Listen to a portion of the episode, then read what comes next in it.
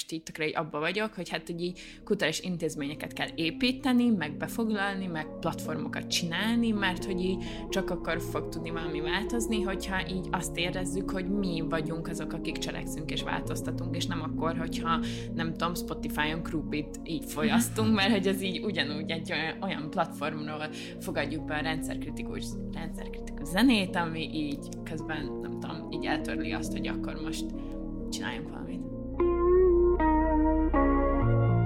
Az az ember, aki azt mondja, hogy nincs különbség bal és jobb oldal között, az jobb oldali. Mi nem az ellenzék ellenzék, hanem az ellenzék lelkiismerete szeretnék lenni. Megint úgy van, hogy olyan ember, aki nem cselekszik, állhat azon az állásponton, hogy az egész társadalom egy elvetendő valami. Amikor a kapitalizmus világmérdő bukására én sem látok rövid távol kilátást. Miért tetszik lábjegyzetelni a saját életét? Miért nem tetszik átélni? Miért csak reflektál?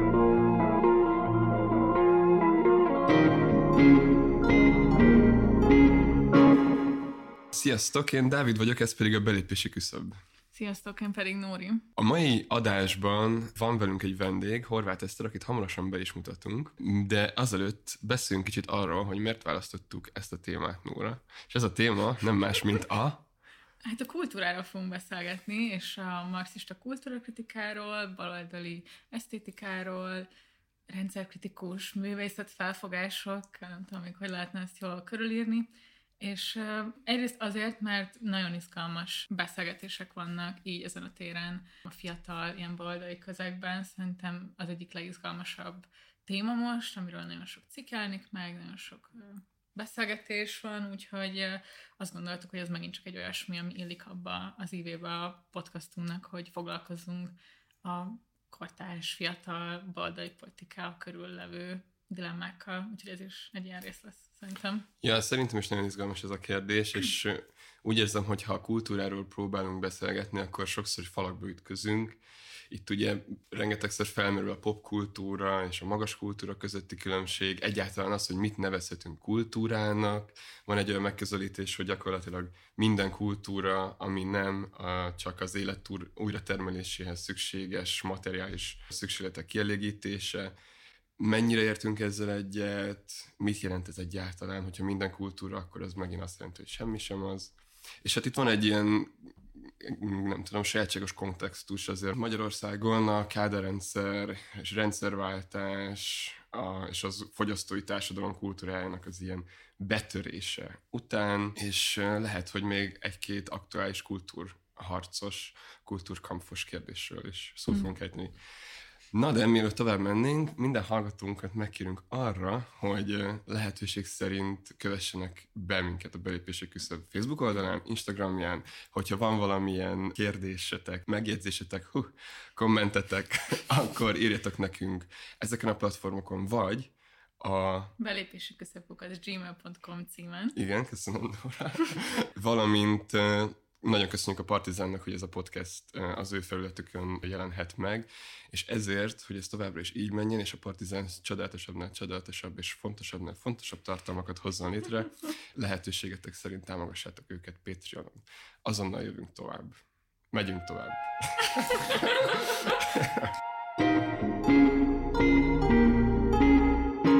Szóval Eszter, először is arra kérnélek, hogy kicsit mutatkozz be, és aztán okay. vágjunk be a. Sziasztok, én Horváth Eszter vagyok. Hát igazából annyit kell tudni rólam, hogy tavaly diplomáztam az Eltem Magyar és Esztétika szakán. Ezt így azért tartom amúgy csak fontosnak kiemelni, mert hogy így tökre mindkettő tanszék az ilyen kulturális életnek a nagyon meghatározó ilyen intézményei voltak, vannak sokáig Budapesten, meg Magyarországon. Egyébként meg a Társadalmelméleti Kollégiumnak vagyok a tagja, onnan ismerem Dávidot, és Nórát pedig az ilyen szélesebb baloldali közegről, slash Instagramról. Az Instagramról, igen. Sliding into DMs. Közcukerben. ja, szóval igen, és egyébként szép irodalommal foglalkozom, így a mindennapokban, meg most majd az ilyen szociológiai, kulturális tanulmányokra fogok így átevezni, úgyhogy így ezzel a kettővel szeretnénk majd foglalkozni, és én is reklámozom akkor egy kicsit magam, hamarosan majd elindítom a szerzői Instagramomat. Uh, Úgyhogy, de még nem találtam ki a nevét. Fú, ne legyen belépési küszöb. nem, nem, nem.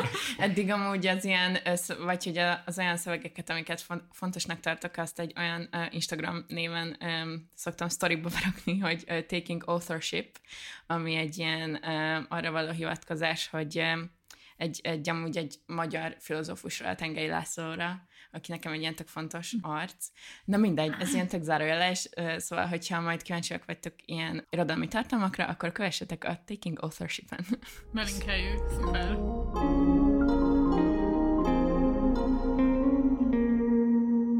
Anélkül, hogy most így belemennénk ilyen definíciós harcokba, meg ilyen egymással versengő elméletekbe, tudsz egy ilyen rövid képet adni arról, hogy a baloldali rendszerkritika oldaláról nézve hogyan definiálhatjuk a kultúrát? Mi ez pontosan? Aha.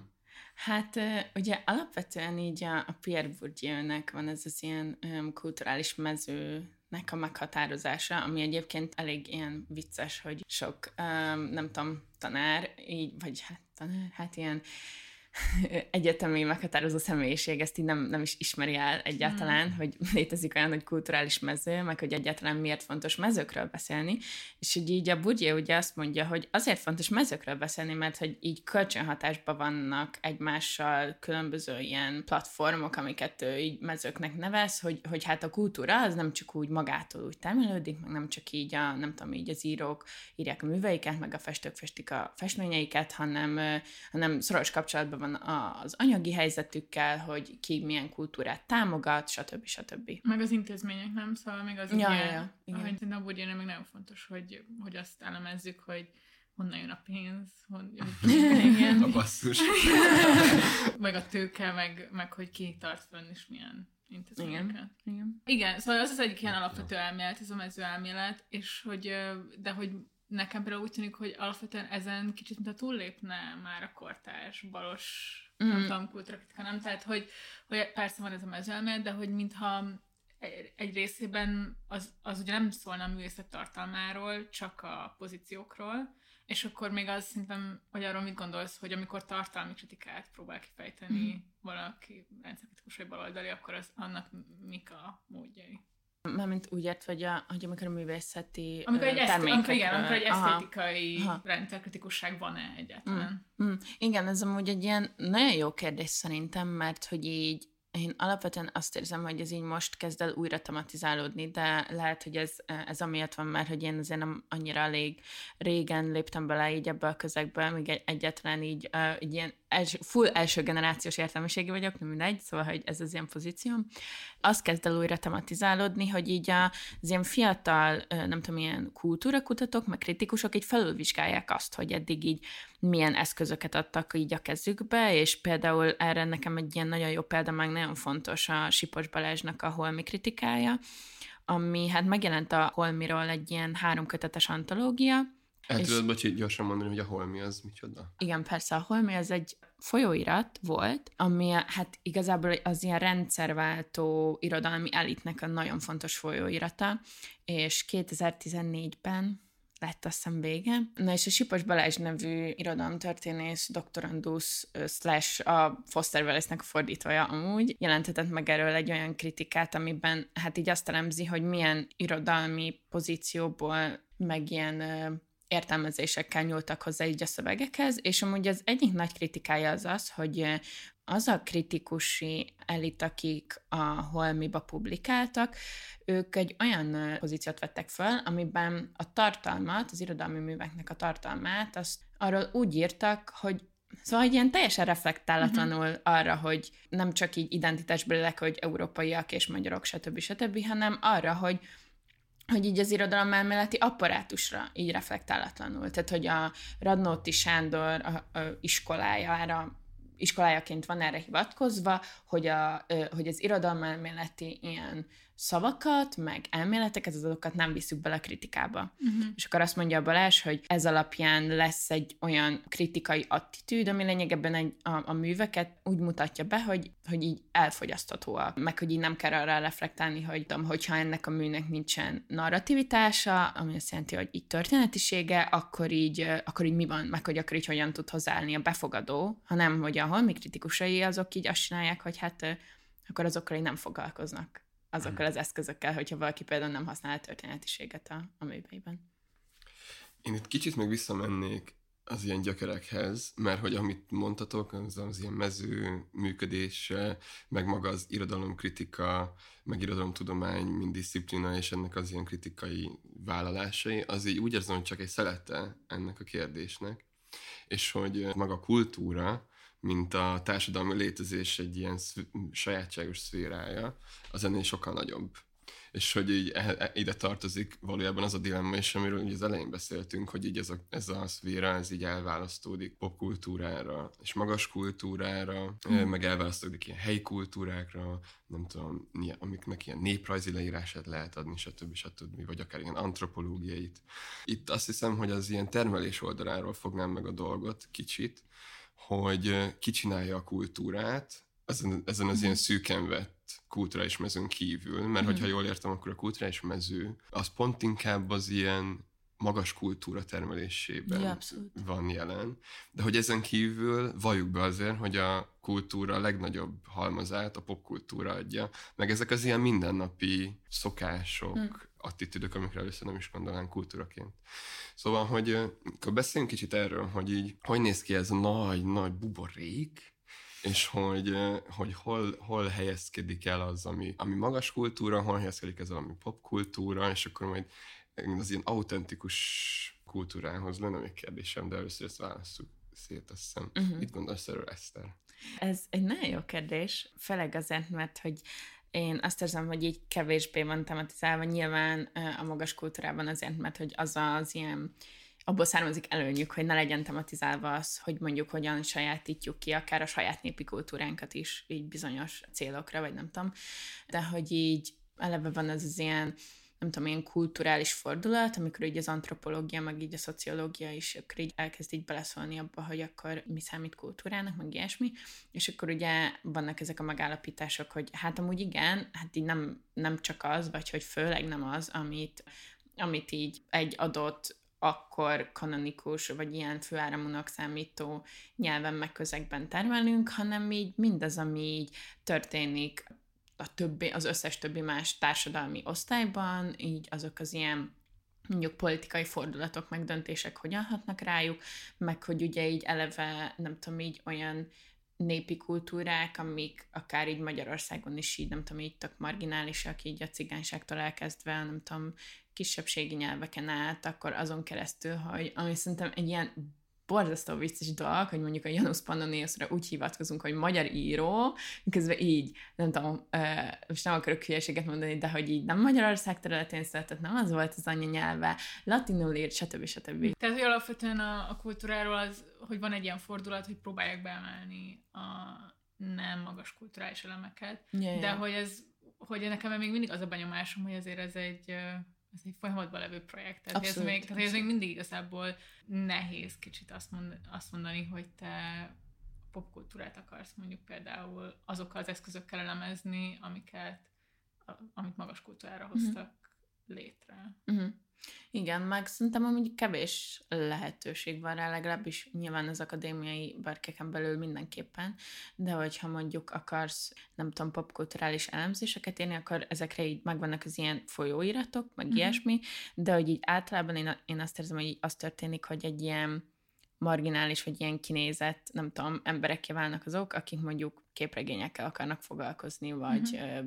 filmekkel, mármint, hogy, és így, filmekkel, nem úgy, mint hogy a filmvilágba publikálsz egy igen um, kimunkált eszét a Tarkovsky mm. nem tudom hanem, hanem úgy, hogy mondjuk... három De hogy úgy, hogy mondjuk, ahogy a Mark Fisher csinálja, uh, ami erre szerintem egy nagyon jó példa, hogy most épp olvastam a, a kapitalista realizmust, és annyira király volt, hogy így nem kellett így megerőltetnem ahhoz nagyon magam amúgy, hogy megértsem azt, amit magyaráz, mert hogy viszonylag olyan, nem tudom, filmek, meg ilyen művek példáján keresztül így hozta a, az amúgy nagyon releváns ilyen filozófiai, meg politikai felvetéseit, amik már benne voltak a kulturális horizontomban, anélkül, hogy ezeket meg pluszba uh-huh. meg kellett volna hozzá néznem, meg ilyesmi, mert hogy így vannak, vagy hogy nekem az az ilyen elméletem, meg tapasztalatom, hogy így vannak ezek az ilyen kulturális események,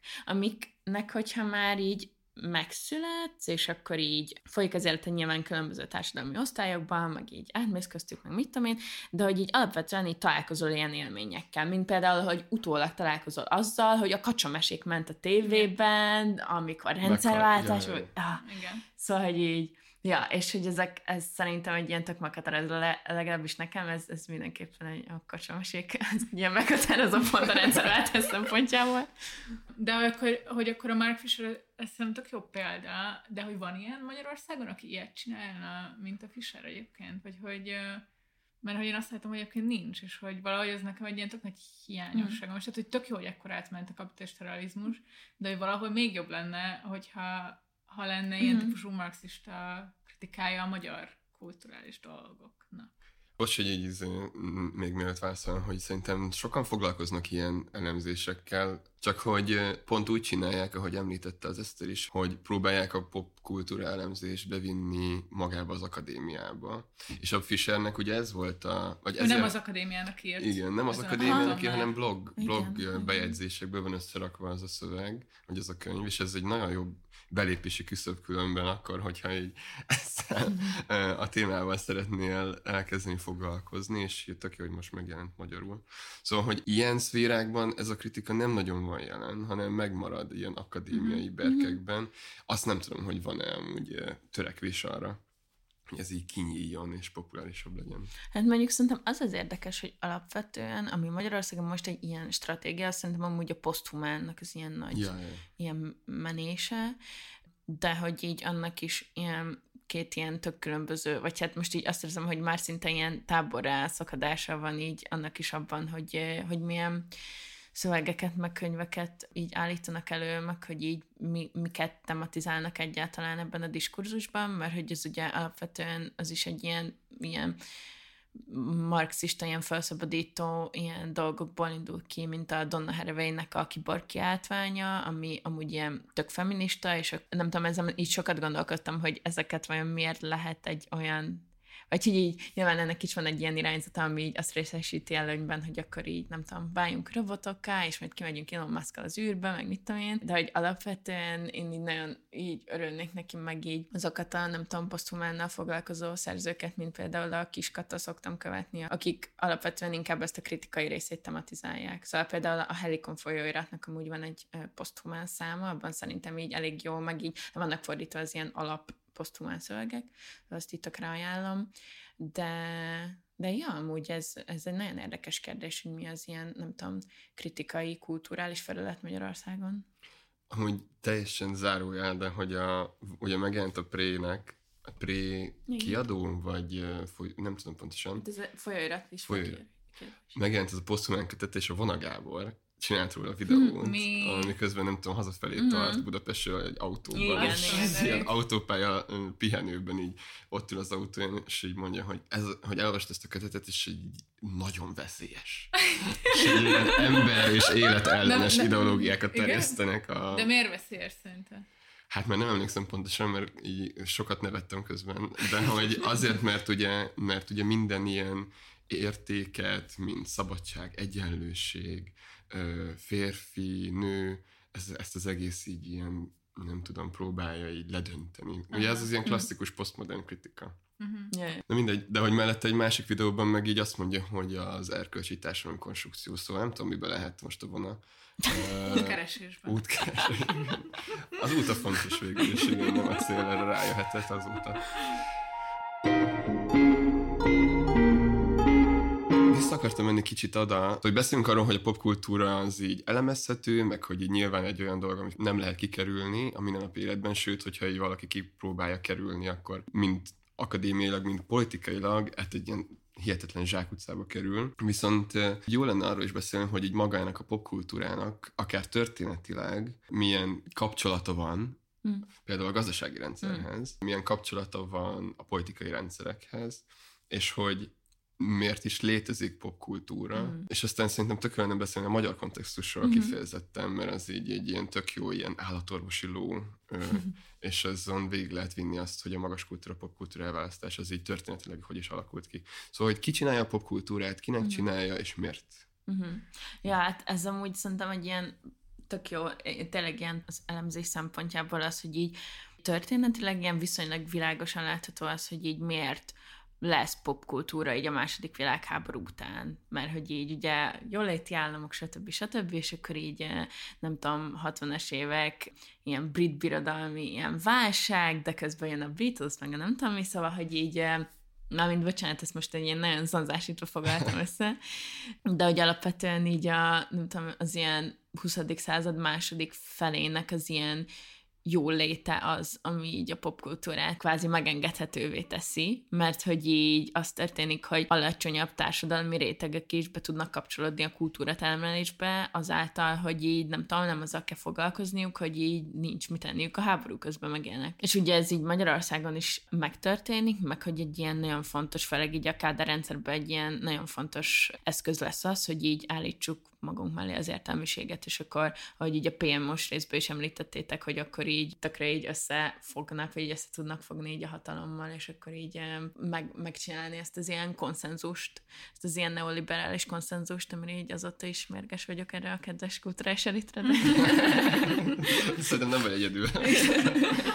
Uh, vigyázzatok, mert a király jól jött. De hát ugye lehet, hogy Eszter, hogyha a tényekkel találkoznál, Igen. akkor...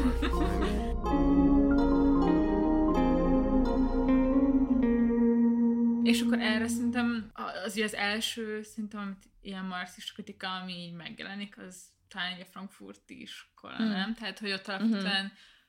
És hogy erről inkább csak, hogy mit gondoltok, mert szerintem még mindig nagyon sok érvényes mondandójuk van, de azért ott az alappozíció az azt megérteni, hogy hogyan integrálódott a munkásosztály, az elvileg forradalmi osztály, hogyan mm. integrálódott a kapitalista rendbe.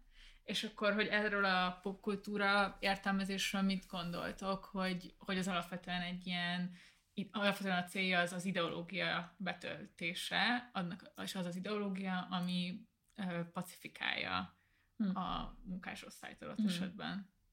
Én azt hiszem, hogy ez az alappozíció, amit így próbálnak megérteni igazából, yeah, hogy így nem igen. lett forradalom, Aha, és igen, akkor miért igen. nem, Aha. és akkor is szerintem ez a Nyilván az Adorno meg a Horkheimer őként nagyon pessimisták ebben, mm. tudom, szerintem a Marcuse mondjuk egy kicsit optimistább, hogy, de hogy így lehet mégis találni olyan ellenkulturális dolgokat, amik újra föléleszthetik. Talán az Adornoik azok, akik inkább szerintem azt mondják, hogy itt teljes nem, ilyen ja, totális bekebelezés uh-huh. történt. Uh-huh. Csak, csak így erre, most uh-huh. ilyen nagyon vulgárisan voltam csak erre. Uh-huh. Ja, ez uh, igen, amúgy uh, Ja, szóval, hogy így az, az biztos, hogy ugye a Frankfurt iskolának így tök nagy szerepe van, az ilyen, nem tudom, 68-as, nem tudom, ilyen tendenciákban, meg aztán így a 70-es években is, és, és ilyen tök helytállóak azok a megállapításaik, amikkel így, így a popkultúrát egy ilyen pacifikáló, nem tudom, tényezőnek elemzik szerintem, de hogy aztán, szóval, hogy aztán így a 70-es, 80-es évek egyébként meg így kitermeli a maga ilyen ellenálló szubkultúráját így Magyarországon is, és hogy, hogy ez szerintem egy ilyen tök más kérdés, hogy mondjuk így, nem tudom, Németországban, Franciaországban, meg Amerikában, ahol így a, a Frankfurt iskola így abban az időszakban így nagyot hatott, így mi történik azokban az időkben, meg hogy Magyarországon, mert hogy így Magyarországon alapvetően van egy ilyen baloldali reformer, kulturális, meg más elit, akik így nem azt gondolják, hogy így, nem tudom, így a, na, a kapitalizmusnak kell itt több teret engedni, hanem így reformokat sürgetnek, stb. stb. És hogy azt szerintem nagyon érdekes, hogy ahogy ők szállnak át így a jobboldali popkulturális termelésbe, ahogy így, nem tudom, volt egy, uh, tavaly volt egy kiállítás, aminek az volt a neve, hogy balra át, jobbra át, és, uh, és akkor ott, ott foglalkoztak um, két ilyen szubkulturális csoporttal, akik közül így az egyikük ilyen így vidékről, nem, már nem emlékszem, hogy honnan, de hogy így vidékről jöttek, meg ilyesmi, és akkor így ők, ők Nem lettek. Miskolc? Nem emlékszem, én sem pontosan. Kelet-Magyarország ezen körül, nem? Mm, valószínűleg igen. A má- az Orfeo volt a másik, ők meg ilyen Mhm. Budapest. Igen, igen, és Ja, akkor igen, így igen. ez, ez az ellentét is így tökre érdekes, hogy így megvolt köztük, és aztán, hogy így um, még ott is, szóval hogy így a kiállításra konkrétan a, a kurátorok így el is hívtak a Samor tagokat, és hogy így az, az nagyon érdekes volt, amikor például azzal így hát így szembesültek egy kicsit a kiállítás kapcsán, hogy mondjuk a, a nők hogy voltak kezelve így a csoportjaikon belül, meg ilyenek. Na, de egy kicsit eltértem a témától. Nem, ez tök izgi. Hát szerintem alapvetően egy ilyen igaz megállapítás az, hogy így pacifikál a popkultúra, de közben meg szerintem így kitermelhető belőle olyan potenciál, ami nem, mármint, hogy, hogy most már így annyi ideje van popkultúra, hogy most már így ennek az ilyen ellen, nem tudom, Uh-huh. Tendenciái szerintem, hogy tökre kitermelhető belőle. És hogy termelhető ki szerintem? Ne, ne, nem, most ez, lehet, ez ilyen egy billió dollár, vagy egy millió dolláros kérdés, csak hogy ugye a popkultúrának, és ez az sokszor az ilyen baloldali elemzésnek az alapja, hogy a popkultúra alapjában véve próbál rendszerkritikus lenni. Uh-huh. Tehát, hogyha megnézzük, és erről beszéltünk is még talán a Végmarcival egy nagyon-nagyon rövid ideig, hogy megnézzük a Vollit, amikről ír a Fisher is, meg megnézzünk ilyen kortárs filmeket, akkor van benne egy alapvető rendszerkritika, és ezekkel a filmekkel pont az a baj, hogy ez a rendszerkritika addig megy el, ameddig valójában csak így az ilyen érzést, Mm, a rendszer, meg a lázadás érzését így elülteti benned, de hogy semmilyen alternatívát nem nyújt, hanem egy csak egyfajta ilyen, ilyen cinikus megnyugvást, hogy így, hát igen, ez van, ez szar, de majd mit lehet tenni, baszki? Hát ez szinte, mint hogyha így meg lenne ez az ilyen kielégülésed, hogy megnézd Ja, a volt, és akkor így felszabdul a lel- lelkiismeretet, hogy hát igen, el fog pusztulni a föld, hát majd a kis vóli összeszedi a szemetet. De hogy és, És, és akkor ez szerinted, ig- ez szerintetek igaz az ilyen NER kritikus művészetre is? Mondjuk, hogyha az ilyen, nem tudom, Dénes, meg Ja. ja. Krúbi, Hmm. meg mit tudom én, hogy van egy ilyen, nem tudom, kritika, vagy egy ilyen kritikai kielégülésed, hogy hát igen, ez a neres, ilyen heteronormatív családkép, ez így full gáz, de hogy akkor erre is igaz, szerintetek ez a kritika? ez az ilyen klasszik Hoffi dilemma, hogy ugye, hogy ő Ja. egy szelep volt a rendszeren, és Igen. a Dénes is egy szelep a rendszeren, és lehet, hogy még az NK is támogatja őket. Hogy így arra gondolsz, hogy akkor igazából ez is csak egy ilyen pacifikáló. Nem, csak kérdezem, mert szinte, vagy én nem tudom, de hogy végül is most ez egy rendszerkritikus, most mondjuk, hogy nert értve a rendszer alatt, hogy ez egy rendszerkritikus popkulturális Hmm. termék bizonyos szempontból, nem? A Dénes igazából, nem tudom, az ő szónak sokan hallgatják most már, és hogy így, meg a klub is. És akkor hogy ezekről így mit gondoltok például, hogy Hmm. akkor ez az a, hogy ez, hogy akkor végül is van ilyen, csak hogy, hogy mit várnál még tőle többet. Van, és nekem pont az a kérdésem, hogy erre gondolsz, hogy a popkultúrán belül vannak ilyen lehetőségek, vagy nem? Mert hogy, Mm. hogy így csak annyi, hogy, hogy szerintem ez pont az, amiről beszélünk a popkultúra, ilyen, de, ilyen pacifikáló, Igen. meg domestikáló hatása van ezeknek va- valójában. Ez Igen? olyan, hogy hát úgy érzem, tehát olyan, hogy, hogy Dénes nincsen a NER nélkül. Ez egy ilyen, hogyha megszűnne a NER, akkor megszűnne a Dénes is, viszont nem azért fog megszűnni a NER, mert ott van Dénes, hanem... Hát azért még ezt nem tudjuk. Még nem tudjuk, igen, nem is akarok spekulálni, bocsánat. Nem. Amúgy, De hogy, szóval, hogy ezt belátod a potenciált Igen. az ilyen fajta ilyen kezdeményezésekben, vagy termékekben? hát, hogy meglepő, ezt azt fogom mondani, hogy nem.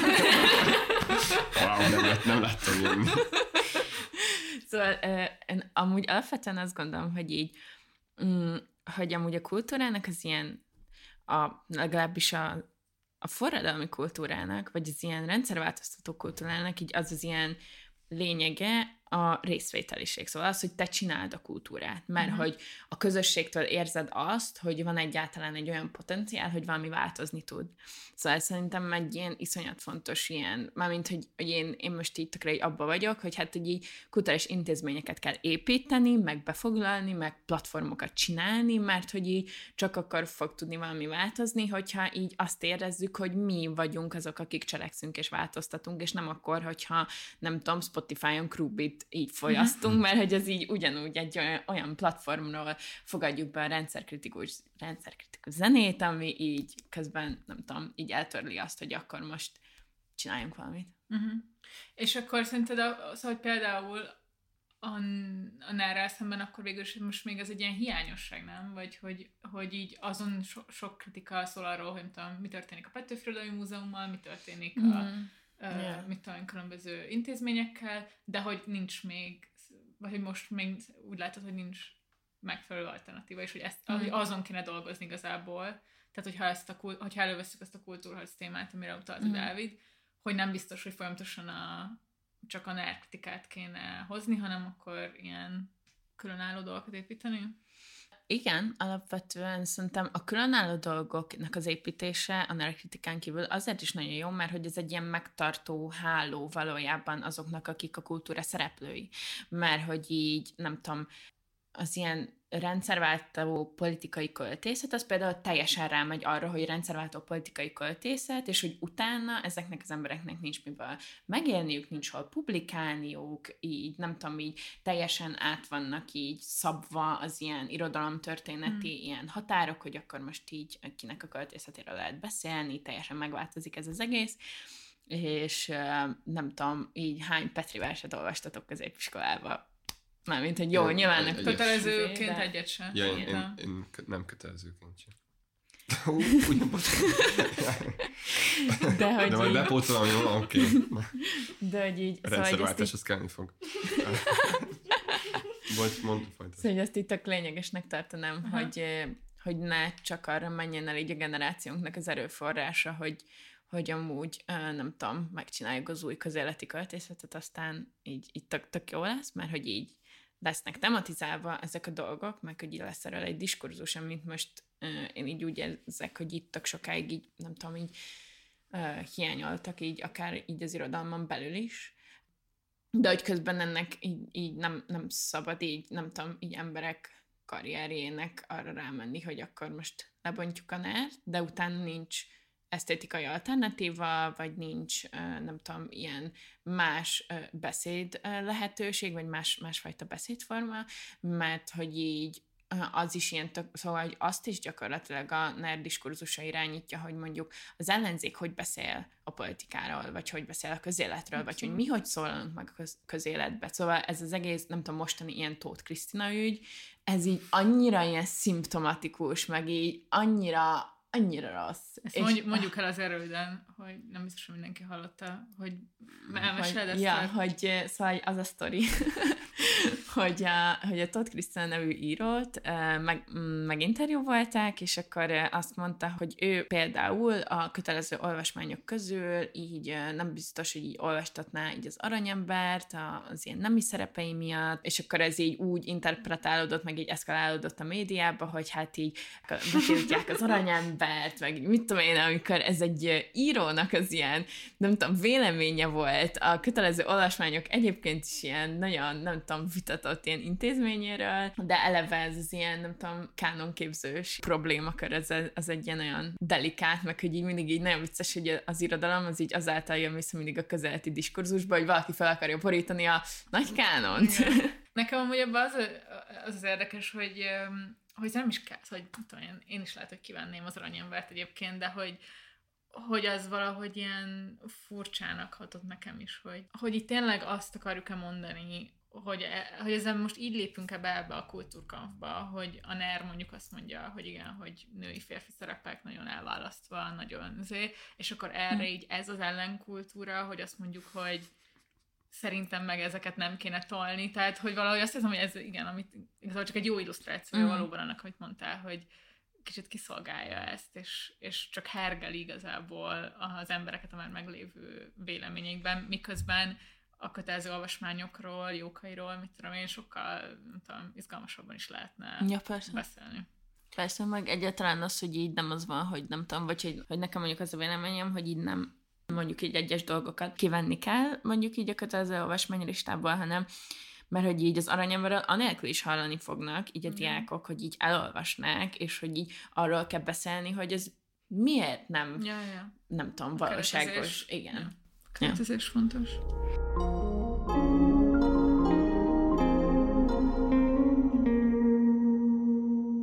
Azért fontos ez a téma szerintem, mert például a két világháború közötti osztrákok is azt mondták, osztrák marxisták is azt mondták, nem minden osztrák marxisták, ezt előre igen ki kell jelenteni. És nem híre- marxista osztály. Igen, ismerek egy osztrákot, aki nagyon nem volt marxista. Csak hogy a Hitler neve is elhangozom ebben a beszélgetésben. De hogy a, az, az volt a szlogen, hogy az osztályharc, az kultúrharc. És hogy ennek megfelelően nem csak az osztrák marxista mozgalom, hanem az, az összes kontinentális és angol száz marxista mozgalom is nagyobb hangsúlyt fektetett kulturális intézményekre, meg különben sportintézményekre, stb. stb., ami a szabadidővel kapcsolatos dolgokat tematizálta, meg ilyesmi, és hogy azért érdekes számomra ez a kérdés, mert hogy itt ez úgy jelent meg a két világháború között, és különben zárójában tök érdekes, hogy az adornóik akkor írják meg a kritikát, ami az, az olyan időben, amit most mi kb. ilyen nosztalikusnak tekintik, hogy úristen, micsoda yeah. izé, munkás kultúra volt. Azért, azért érdekes ezekben az intézményépítésekben ma gondolkozni, mert hogy nem tudom, hogy mi az a fajta, vagy hogyan jelenik meg, vagy mit jelent pontosan az autentikus népi, vagy ha úgy tetszik, munkáskultúra. Mm. Mert Igen hogyha elvesszük az egész popkultúrát, azon az alapon, hogy az a popkultúra csak a kapitalizmus ideológiája, akkor nem tudom, mi marad. És mm-hmm. hogy mhm. nem tudom, hogy az, ami marad, arra lehet -e egyáltalán ilyen intézményeket építeni. És hogy ezzel az állítással nyilván együtt jön az is, hogy a popkultúra, azt lehet mondani úgy, hogy az, abban megjelenik tényleg valamennyire a mai napig is ez a kultúra termelés demokratizálódása, vagy nem, mm-hmm. vagy hogy mi, mi ez az egész, hogyan lehet Mit egyáltalán... a TikTokról ezt. Na jó, akkor most így elkezdem az elejére, mert a, ehhez jó, az ilyen, nem.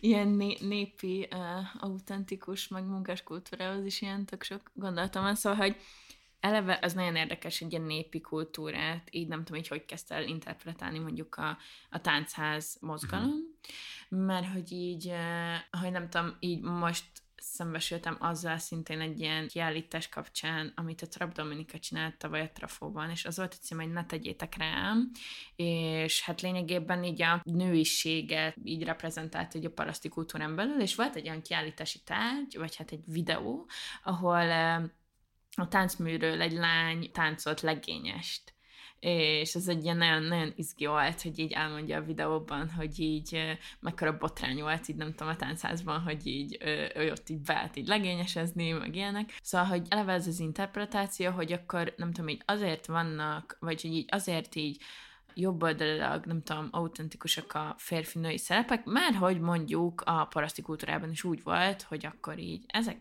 így csináltak a parasztok, mit tudom én, de hogy így fogalmunk sincs róla, hogy így csinálták-e egyrészt, másrészt meg egy kicsit így, eh, nem tudom, így a munkamegosztásból egyébként így arra következtethetünk, hogy amúgy nem is ilyen férfi-női szerepek voltak, mert hogy így mindkettejüknek így sokkal eh, másabbakat kellett csinálni a férfiak, sokkal több időt voltak otthon, stb. stb. Ez az ilyen pozíció vakság talán, hogy így, ahogy így ránézzünk a munkáskultúrára, meg a, meg a népi kultúrára, hogy akkor ezek most elveszett jók, amiket vissza uh-huh. kell hozni, vagy hogy így autentikusan kell őket újra játszani, a táncházban olyan ruhákat kell viselni, uh-huh. nem tudom. És így tökre nem ez van, és uh, nem tudom, ilyen elég, elég vicces az, hogy így a, a táncházakban is, nem tudom, így mindennapi ruhában vannak az emberek, és nyilván nem tudom, a, a állami népi együttes felöltözik viseletekbe, meg mit tudom én. Ja, de hogy így, így van, van egy ilyen teljes ilyen reflektálatlanság arra, hogy amúgy mostani mindennapi ruháinkban táncoljuk ezeket a táncokat, meg nem tudom. És hogy így kicsit így a popkultúráról is amúgy így azt gondolom, hogy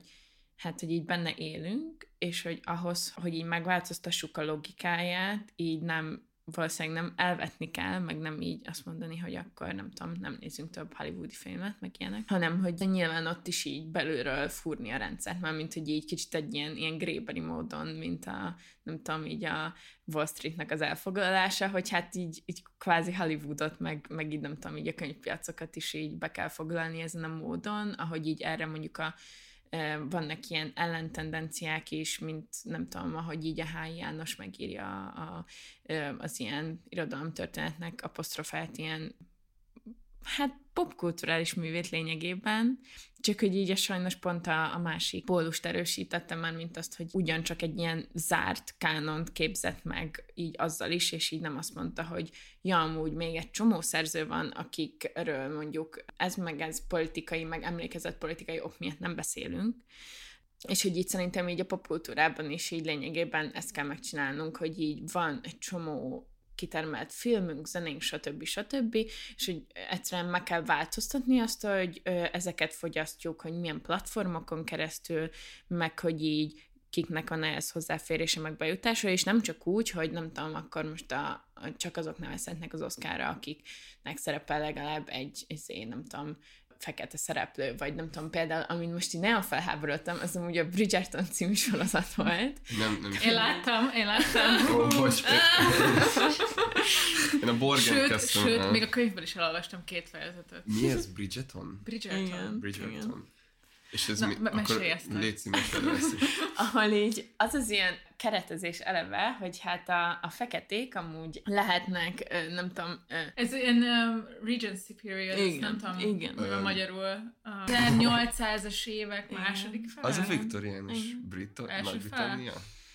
hát na mindegy, de hogy az Mindegy, 1800-as évek. Regency period, Igen. és, uh, és ott játszódik ez a sorozat a nyugat-londoni elit. Mhm. uh, Igen. Aminek az, az ilyen nagy újítása, hogy hát már a britek, vagy a britek, a feketék is tartozhatnak ehhez az elithez, mert hogy a király beleszeretett egy más bőrszínű királynőbe, és akkor emiatt így a feketék Igen. is felemelkedhettek az arisztokráciába, és így Ez nagyon bosszantó szerintem. Tehát, hogy az, a, az, az szerintem teljesen jó, hogy legyenek uh, fekete szereplők, legyenek Yeah. kisebbségi etnikumhoz tartozó szereplők, de az, hogy ahelyett, hogy egy ilyen anakronisztikus, ilyen popkulturális termékként kezelné csak ezt, önmagát is, ahelyett így beleszuszakolják ezt az ilyen fasságot tényleg, hogy attól, hogy egy király beleszeret egy korábbi ö, szolgába, vagy valami ilyesmi, ez megoldotta varázsütésre a rasszizmust. és akkor ez, a, ez van így elmesélve sorozatban. Hogy ehelyett szerintem sokkal jobb lett volna, ha csak nincs róla szó. Ha csak simán, anakronisztikusan eli, az elitben vannak fekete bőrű szereplők is, és kész. Amúgy tök vicces, mert ugye nem tudom, 30-40-50 évvel ezelőtt ugyanezek a sztorik játszottak le, csak munkás lányokkal. Hogy itt igazából az osztályharcnak nincs értelme, teljesen felesleges verni a, az asztalt, mit tudom én a munkásságnak. Hát a király, a herceg beleszeretett egy munkás lányba, milyen boldogok egymással. Ja. Szóval hogy így próbálja régenben a popkultúra, így próbálta így pacifikálni az éppen aktuális, nem tudom, forradalmi szubjektumot. Szóval ez ilyen visszatérő motivum.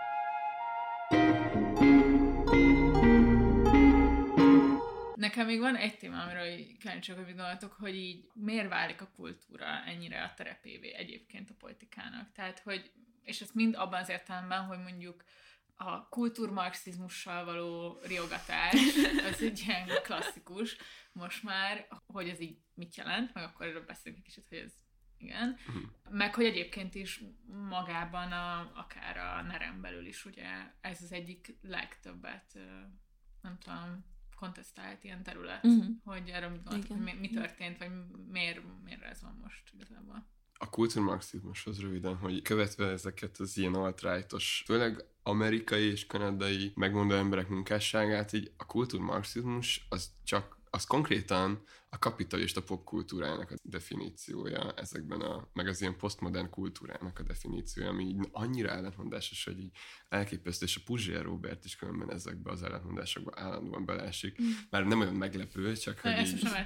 Hát, hogy azt hívják kultúrmarxizmusnak, például Jordan Peterson, meg ilyen youtuberek, akik a Trumphoz vagy az alt kapcsolódnak, amit mi gyakorlatilag fogyasztói kultúrának hívunk, és az ilyen, amiknek ilyen anomáliái vannak, hogy így valahogy a gendert, meg a rassz kérdést próbálják úgy feldolgozni, hogy egyszer pacifikálják, és Ja. különben így, nem tudom, termékesítsék Mm. is, Mhm. tehát így komodifikálják ezt a fajta kultúrát.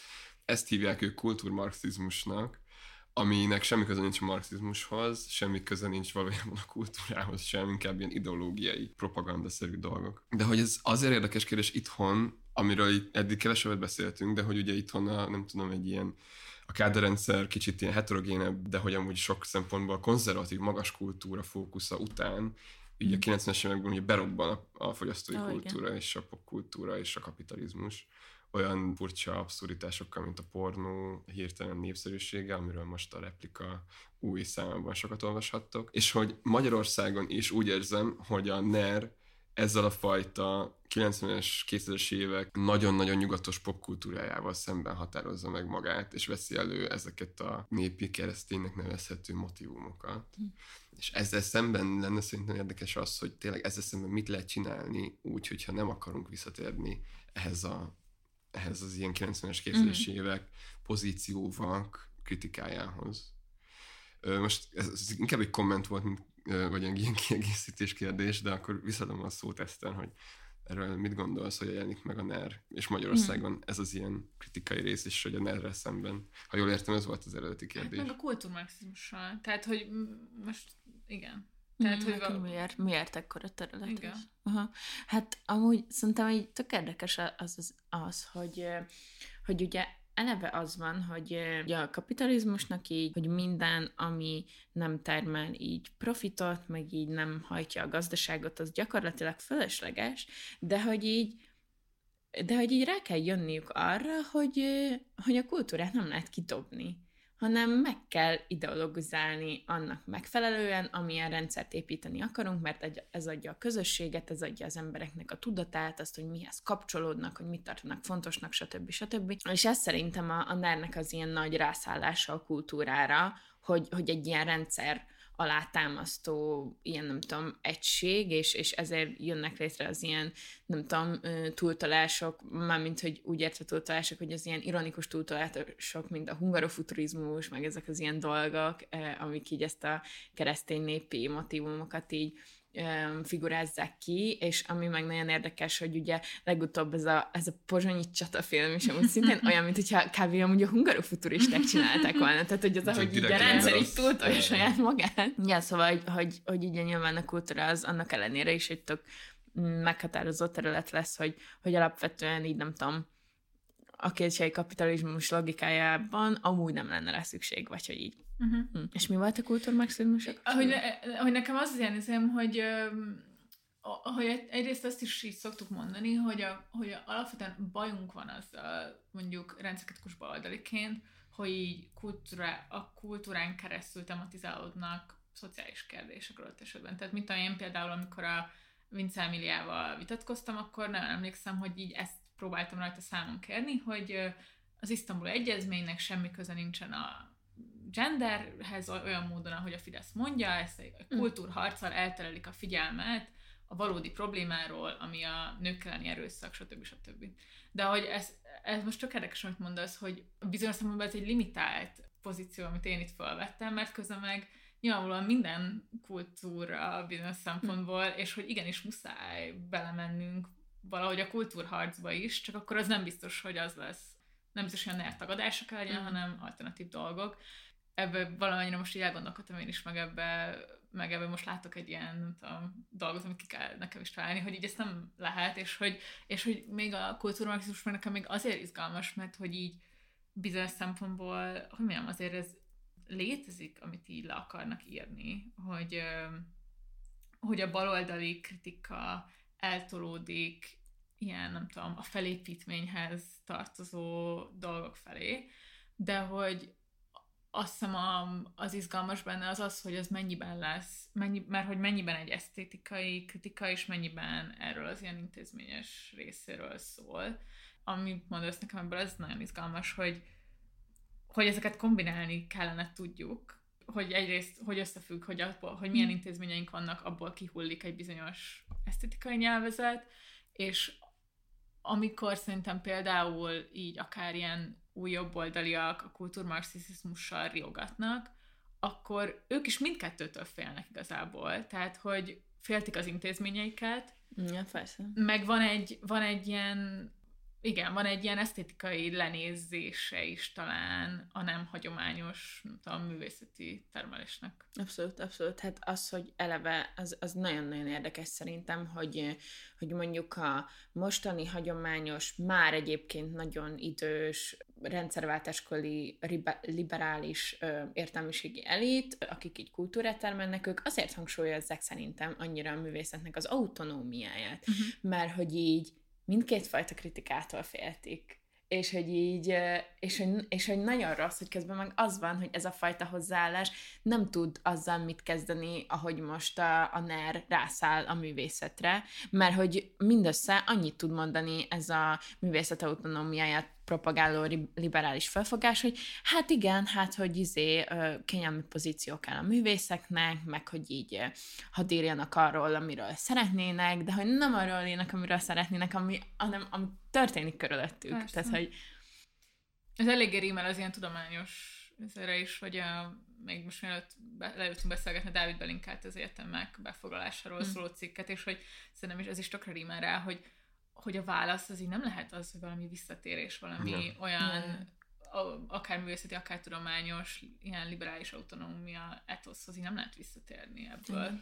Az, az egész visszatérés diskurzus engem így végtelenül felbasz, vagy hogy mondjam, tehát, hogy így, vagy nem tudom, lehet, hogy ezeknek az embereknek tényleg egy mandinert kéne olvasniuk, vagy jobbik beszédeket hallgatniuk, meg ilyesmi, de hogy nagy részt a NER pont azért jött létre, mert ez a művészeti, kulturális, politikai, gazdasági, tudományos Nem elit tudod kielégítő lenni Egyáltalán számukra. nem. És Igen. hogy így erről, ó, oh, tényleg a TGM, hogy most megint megemlítsük, ugye vannak a szegény náci gyermekeink című írás, amíg 2008-ból talán, és ő ott feszegeti ezt a kérdést, és akkor így nem tudom, ez a, ez a, ez a cikk azóta így nagyot menni, sokat így visszatekingetnek rá, bár inkább egyfajta ilyen önmarcangolás, mint valós alternatíva keresés kiinduló pontjaként.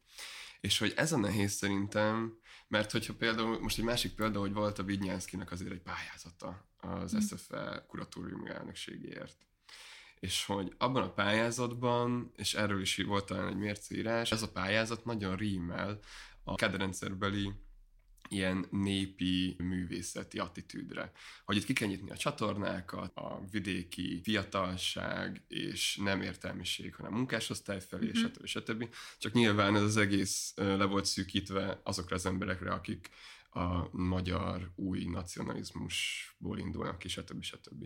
Tehát itt van egy ilyen furcsa pozíció, hogy ez a kettő egymással hadakozik, és hogy baloldaliként úgy érzem, hogy, hogy így nem lehet azt mondani, hogy mi csak a ner szemben határozzuk meg magunkat, Ja. mert akkor rögtön oda kerülünk arra az oldalra, amivel szemben szintén meghatározzuk magunkat, és Mhm. számomra az a kérdés, hogy hogyan lehet felvenni egy harmadik pozíciót. Hm. Ahogy most a, a TGM cikkeről beszéltél, így azon gondolkodtam, hogy így az jutott ez eszembe, hogy, hogy, hogy ez végül is ennek az ilyen gondolata, nem, hogy vagy hogy, hogy nekem így legalábbis az jön le belőle, hogy valójában ennek a, nem tudom, megint csak liberális értelmiségnek így az az ilyen igen nagy bűne amúgy, hogy, hogy hát így hagyja ezeket az embereket, hogy így nem tudom, hogy így tényleg ne férjenek hozzá úgy a kultúrához, meg hogy így egy ilyen olyan távolságot képez, hogy hát igen, majd hogyha eljössz az egyetemre, és első generációs értelmisége lesz, és blablabla, akkor lesz belépésed a kultúrába. Mhm.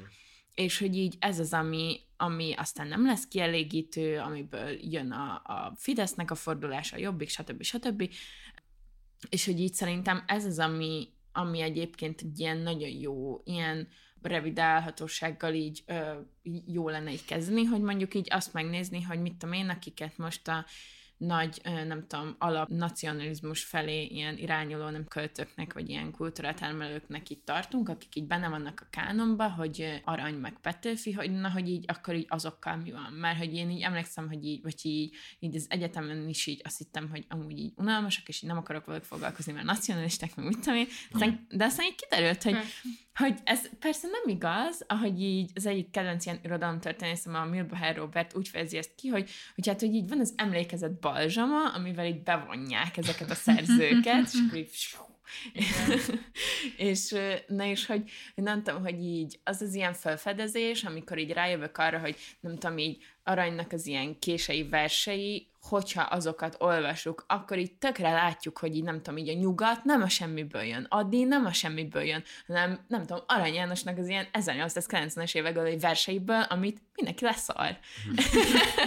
De hogy, Uh-huh. Ja, szóval szerintem e- egy, először egy ilyen, nem tudom, így a nacionalizmusnak, meg így ezeknek a, az ilyen jobboldali ideológiáknak az ilyen, nem tudom, nem az, hogy keblünk le ölelésével, de hogy egy olyan felülvizsgálatával kell kezdeni, hogy, hogy hát ez így nem, nem arról szól, hogy akkor most a, a baloldal is jól meg kultúrkampolja a jobb oldalt, Igen.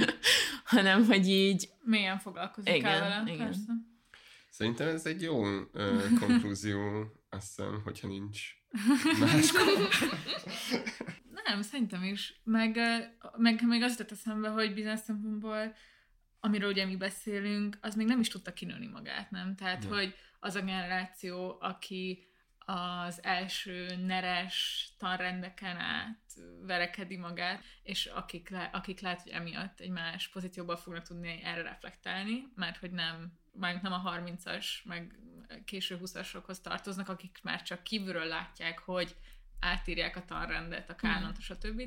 Hogy engem az még így nagyon izgatni fog, hogy milyen, nem tudom, művészeti dolgok jönnek ki abból, a, ami kicsit így mondjuk az én generációm, akik már így pont Igen. még iskolában voltak, vagy gimiben, egyetemen, amikor ez, ez a Igen. kurzusváltás lett.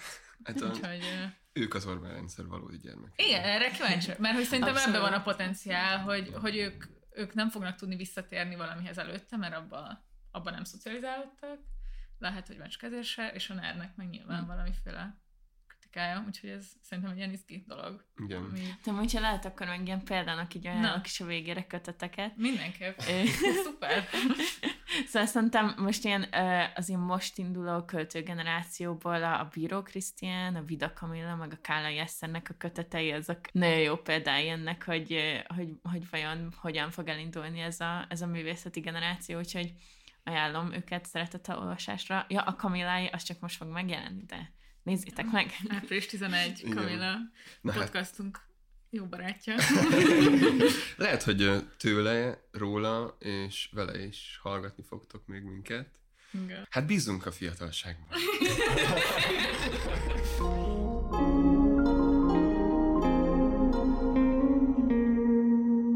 Ja. Akkor nem Nagyon köszi. Igen, nagyon köszi. Eszter. Én nagyon sokat tanultam ebből, Eszter. Én nekem tényleg ez a téma, ami eléggé kívül van a, a napi látószögem, azt hiszem, és nagyon sokat tanultam tőled.